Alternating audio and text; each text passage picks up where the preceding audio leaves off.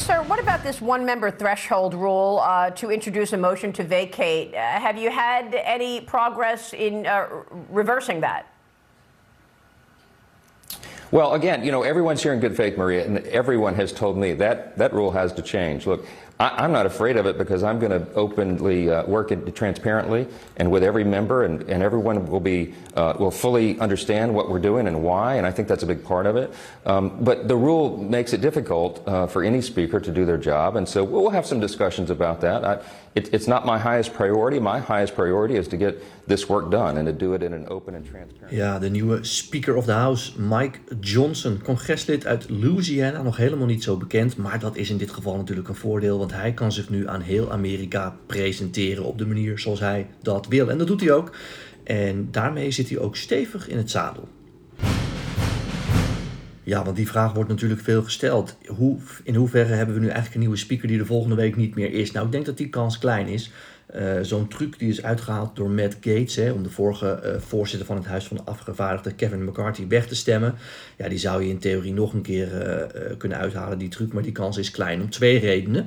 De eerste reden is dat Mike Johnson ook, hè, dat zegt hij net, toch een beetje aan die regels wilt morren. Mijn gevoel is dat hij heeft gezegd: ik ga deze klus natuurlijk niet doen als dit zo blijft. Uh, dus dat moet veranderen. Maar dat hij bij zichzelf ook heeft gedacht: nou, ik heb een soort van bevestiging gekregen dat die regel eraan gaat. Hè, die regel dat ieder lid zomaar kan zeggen: ik ben het zat, we moeten in stemming brengen of deze voorzitter wel mag blijven.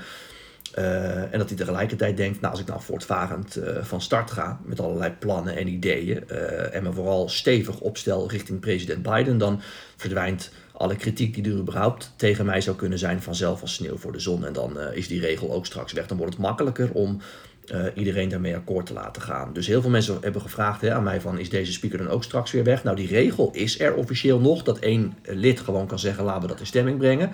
Maar uh, je hoorde het hem net zelf zeggen in een interview met Fox News. Die regel gaat er waarschijnlijk aan. Dat is de eerste reden waarom hij steviger in het zadel zit dan Kevin McCarthy. De tweede reden is dat dit een congreslid is. Ik zei het al, uit Louisiana.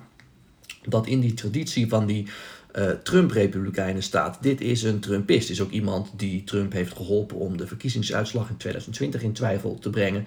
En ook iemand die het America First beleid voor een groot deel voorstaat. En Um, dat is ook een van de redenen waarom nou ja, die, die, die, die groep van uh, een handvol Republikeinen die Kevin McCarthy weg wilden hebben, omdat ze hem te gematigd vonden. Hè. Hij had die tijdelijke deal onder andere gesloten met de Democraten.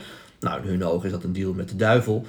Ja, um, uh, deze man ligt een stuk beter bij hun dan Kevin McCarthy. Dus vanuit hun zal die kritiek niet komen. Zij hebben Kevin McCarthy weggestemd en zijn blij dat hij er nu zit.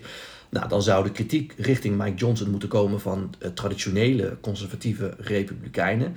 Maar die zullen wel twee keer nadenken voordat ze hun partij opnieuw in een enorm grote uh, puinhoop storten. En zullen wel twee keer nadenken voordat opnieuw die republikeinen het label van chaos opgeplakt krijgen door de democraten. Omdat ze weer geen speaker hebben.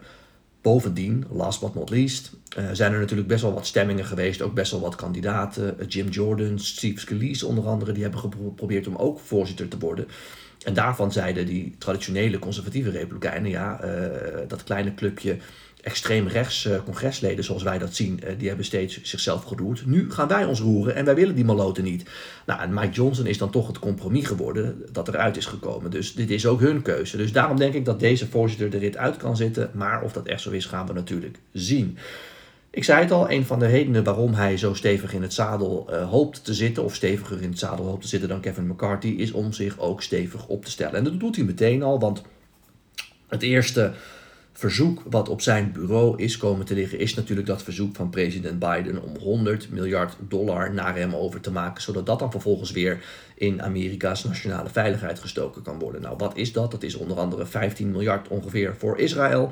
60 miljard voor Oekraïne en dan nog flink wat miljarden voor de grensbewaking bij de grens met Mexico.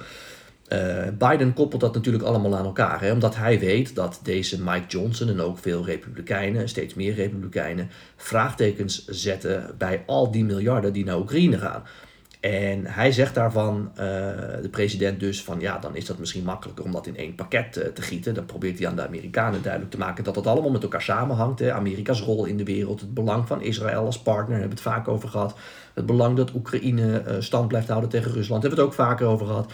Nou, vervolgens weet hij dat de Republikeinen ontzettend belangrijk het vinden dat die grens met Mexico een keer wordt aangepakt. Daarom gaat die muur van Trump ook afgebouwd worden. Dus daar moest dan ook geld voor vrijgemaakt worden. Nou, dat heeft hij heel slim in één pakket gezet. En Mike Johnson heeft als eerste actie al meteen gezegd: dat gaan wij niet doen. Wij willen alleen praten over het geld voor Israël. Daar zijn de Republikeinen het dan ook wel over eens. Dus die 15 miljard, die kunt u van ons hebben. Maar uh, ik ben natuurlijk iemand die streng op de begroting zit, zegt Mike Johnson. Dus we gaan dat niet zomaar overmaken. Dat moet ergens vandaan komen. Weet je wat? Uh, er is ook uh, geld vanuit het Witte Huis in een veel groter pakket wat door het congres is gegaan. Uh, ook met de steun van enkele Republikeinen trouwens, naar de Belastingdienst in Amerika gegaan, de IRS omdat daar, uh, zeggen de Democraten, uh, ondercapaciteit is. En daardoor gaan heel veel mensen die maar genoeg, hè, die veel geld hebben, genoeg advocaten in kunnen huren. die betalen daardoor veel te weinig belasting. Dus de IRS moet veel meer agents hebben om dat allemaal te controleren. Zodat mensen niet belast, aan een belastingontduiking kunnen doen. Want, die, want die zaken moeten allemaal opgespoord worden. En nu zegt Mike Johnson, met steun van zijn fractie nou ja, waarom halen we dat geld daar niet vandaan? Want uh, er moet wat ons betreft helemaal niet extra geld naar de IRS. Dus die 15 miljard voor Israël kunt u krijgen. Halen we weg bij het geld dat naar de IRS, naar de Belastingdienst zou gaan. En dan kunnen we dat in ieder geval meteen voor onze vrienden in het Midden-Oosten regelen. Nou, ik kan je op een briefje geven, daarvan zegt het Witte Huis natuurlijk. Eh, eh, dat gaan we niet doen, want dat geld moet naar de IRS, vinden de Democraten belangrijk. Uh, en tegelijkertijd willen zij natuurlijk dat het in één pakket blijft zitten om de redenen die ik net geef. Nou, daarmee uh, maakt uh, Mike Johnson zich populair bij zijn achterban, bij zijn congresleden, zijn collega's, maar natuurlijk ook bij de kijker van Fox News, de Trump-achterban. Dus daarmee zet hij een eerste hele belangrijke stap in het juist positioneren van zijn speakership. Dus met andere woorden, hij is goed begonnen aan dat speakership vanuit zijn optiek natuurlijk. En zit daardoor denk ik een stuk steviger in het zadel dan, uh, dan andere Republikeinen. Uh, althans dan Kevin McCarthy moet ik zeggen en andere kandidaten die daar mogelijk hadden kunnen zitten. Dus met andere woorden, de Republikeinen hebben de juiste man op de juiste plek gezet vanuit hun optiek natuurlijk. Goed, tot zover wat je wat mij betreft moet weten. Dan naar jullie vragen. Die hebben jullie ingestuurd via Twitter, Instagram en LinkedIn. Ja, en um, uh, dan meteen even hierop voortbordurend, want ik heb net uitgelegd hè, hoe Mike Johnson um, uh, de belangrijkste uh, republikein in het congres nu is geworden en ook waarom die stevig in het zadel zit. Wat ik in het begin zei, misschien daar nog even op terugkomen. vrijwel geen enkele Amerikaan kende hem, behalve natuurlijk de mensen in Louisiana die hem naar Washington hebben gestuurd. Dus hij kan zich ook op deze manier heel goed positioneren uh, door meteen de juiste dingen te doen. Nou, dat heeft hij dus net gedaan. En daarop uh, meteen even naar een vraag van Bart. Want Bart vraagt, hey Raymond, uh, vinden alle Republikeinen nou dat er minder geld naar Oekraïne moet gaan? Of, is alleen, eh, of, of spreekt Mike Johnson voor een heel klein clubje? Nou, antwoord daarop is dat heel veel Republikeinen dat vinden. Ik moet wel eerlijk zeggen, kijk, als je kijkt naar dat pakket wat Biden naar het congres heeft gestuurd, alle Republikeinen willen, willen, Israël wel helpen. Uh, alle Republikeinen willen wel geld voor de grens met Mexico om die extra te beveiligen. En Oekraïne, daar zijn ze over verdeeld. Ik kan ook niet zeggen dat alle Republikeinen daar tegen zijn, maar ze zijn erover verdeeld. Um, ik, ik, heb het toen vaker gezegd, de Trump-vleugel van de Republikeinse Partij, en dat is nou eenmaal de grote meerderheid in die club, die is daar kritisch op. Die vinden gewoon dat Europa meer moet doen. Maar om concreet antwoord te geven op jouw vraag, er zijn ook Republikeinen die dat niet vinden. Van de week nog een interview met Mitch McConnell, de leider in de Senaat die met zoveel woorden eigenlijk zei: ja, er zit geen daglicht tussen wat Biden vindt en wat ik vind op het punt van Oekraïne. Ook ik vind dat er geld naartoe moet. En die zei ook dat hij het niet eens was met de kritiek van de Trumpisten in zijn partij dat Europese landen te weinig zouden doen. Uh, zij hebben ook troepen gestuurd uh, om de NAVO-grens uh, extra te bewaken. Zij hebben ook wapens gestuurd. En zei McConnell erbij: wij sturen misschien wat meer geld dan onze Europese vrienden. Maar onze Europese vrienden vangen alle Oekraïense vluchtelingen op. Dus ga mij nou niet vertellen dat Europa te weinig doet. Europa doet uh, net zoveel als wij. Zij het met wat andere accenten. Dus uh, we moeten Oekraïne blijven steunen. En zei Mitch McConnell erbij. Ik zie eerlijk gezegd niet in wat er mis is met deze deal. Ik bedoel, Europa doet wat zij moeten doen. Wij doen wat wij moeten doen. Vervolgens gaat er geen enkele Amerikaanse militair in Oekraïne vechten. Want we geven gewoon wapens omdat wij al die wapens leveren, moet er in Amerika weer meer wapens worden gefabriceerd voor onze eigen uh, militairen. Dat is goed voor onze wapenindustrie. En tegelijkertijd deelt Oekraïne, die wij dus subsidiëren met onze Europese vrienden, een gigantische klap uit aan het Europese leger. Een van onze grootste vijanden op deze wereldbol. Ja, wat is daar mis mee? Vertel mij wat daar mis mee is. Dus in zoverre zie je dat er twee vleugels in de Republikeinse Partij zijn als het om Oekraïne gaat. Dan een vraag van Robert Jan. Die zegt: Ga je nog met Johan een item maken over muziek en de verkiezingen? Nou ja, dat zit nog steeds in de planning. Maar ik heb vaker gezegd: als daar nieuws over is, kom ik erop terug. En vervolg, ja, voorlopig is dat er nog niet. Uh, in Hilversum gaan niet alle dingen even snel. Maakt ook niet uit. Ik heb het vaker gezegd: uh, als we dat doen, dan zou dat volgend jaar zomer zijn. En daar hebben we nog tijd zat voor. Want je wilt natuurlijk dat het in uh, het najaar van volgend jaar op de televisie te zien is. En vervolgens vraagt Robert Jan ook nog: is er nou echt geen goede democraat die het tegen Trump kan opnemen? Ja. Uh, die zijn er natuurlijk wel, maar um, uh, die willen allemaal Biden niet uh, tegen het zere been stoten. Dus wat dat betreft zijn ze misschien wel te netjes. Tegelijkertijd is er nu natuurlijk weer een democraat, een congreslid geweest, die heeft gezegd: Nou, Robert Kennedy is dan misschien uit onze nominatiestrijd gestapt. Hè, die is onafhankelijk kandidaat geworden. Nu ga ik Joe Biden uitdagen. Dus je ziet wel dat het rommelt. Um, en tegelijkertijd, ja, als Trump natuurlijk echt in de problemen zou komen met al die rechtszaken en er komt een andere republikein uh, in één keer heel hoog uh, uh, naar voren die het op gaat nemen tegen Biden, ja, dan zal de druk ook toenemen vanuit de Democraten richting Biden om natuurlijk ermee te stoppen en mogelijk iemand anders die nominatie te gunnen. Maar dan zal nog de vraag zijn wie dat dan zou moeten zijn. Dus 1, 2, 3 loopt er niet eentje warm, behalve natuurlijk de gouverneur van Californië, Gavin Newsom, die was ook in China vorige week had een ontmoeting met president Xi. Die wil zichzelf als, uh, ja, als, als wereldleider neerzetten.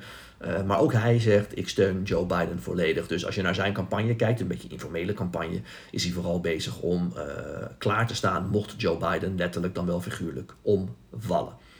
Dan een vraag van Mariska, die vraagt, uh, wat is de laatste stand bij de Republikeinse voorverkiezingen? Trump nog steeds ver aan kop? Nou ja, het korte antwoord is ja, Trump nog steeds ver aan kop.